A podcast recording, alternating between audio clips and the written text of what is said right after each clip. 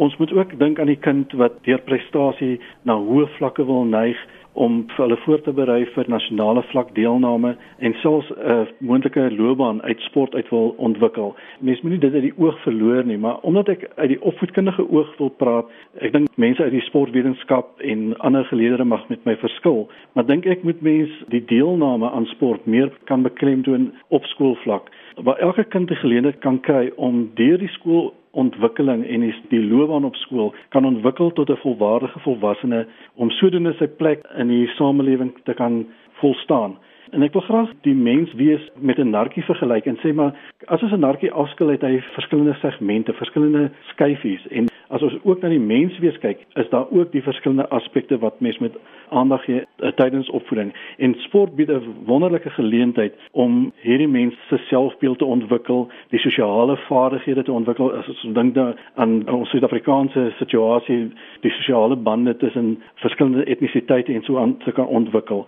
Dit wil sê om die kind in totaliteit te kan aanspreek en sport bied 'n wonderlike geleentheid om dit te doen. En as ons net na sportprestasie gaan kyk, dan sluit dit net 'n paar kinders in. Miskien die eerste span, miskien die eerste twee spanne van die belangrike sporte soos rugby, netbal, hokkie miskien, maar die kleiner sporte kry nie al daai aandag nie en ook die, die laer spanne nie. So dan begin ons kinders amper op 'n kantlyn stoot en sê maar luister, ons sien julle nie soveel raak nie. Ons sluit julle 'n bietjie uit. En ek dink dan kom ons nie ons verantwoordelikheid na as 'n opvoedkundige instansie nie. Daar was nou 'n geval gewees waar die skoolhoof van Boysay 'n brief geskryf het toe die ouers kla dat die rugby nie meer so goed is by Boysay nie, het hy gesê maar baie van hierdie ouers plaas rugby amper op hierdie soort troon en verhef dit bo die akademie.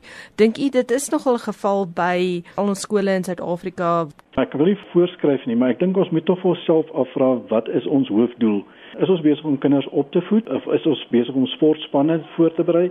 Dit is vrae wat ons vir onsself moet vra. En ja, ek dink in die verlede was daar skole wat bietjie meer oorgehang het na die voorbereiding vir sport. Ek kan onthou destyds wat selfs liggaamlike oefeningperiodes gebruik om spanne voor te berei vir 'n wedstryd op Saterdag. Maar ek dink as ons ons op voetkundige taak mooi gaan na se ding kyk, dan sal dit mooi uitwys en daar moet 'n balans wees tussen die sport en wat is sport se verantwoordelikheid en dan as daar 'n prestasie is. Ek dink nie wen is altyd alles nie. Ja, maar dit is ook goed om dit te voel ons het eh, bemeester, ons het die uitdagings oorkom. Maar as die opvoedkundige waarde en selfs die genot aspek uit dit uitgehaal word, dan is ons nie besig met ons opvoedkundige doel nie. En ek dink ons moet klem begin verskuif na die deelname in plaas van net na die telbord te kyk. En as u nou die toekomstige sportonderwysers en afrigters oplei, wat is die goue reël wat u vir hulle probeer leer oor hoe om dit reg te kry?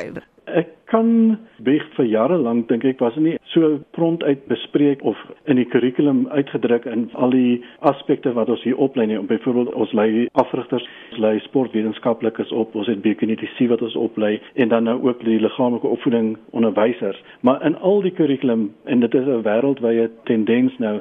So elke afrigter wat hier by ons afstudeer of het daai opvoedkundige aspek in sy kurrikulum en hy moet dit gaan uitdra daar buite. En ek dink dit is ook 'n goeie aspek wat skole aan hulle ouer korps kan meedeel, die volledige uitlewing van daai kind se behoeftes.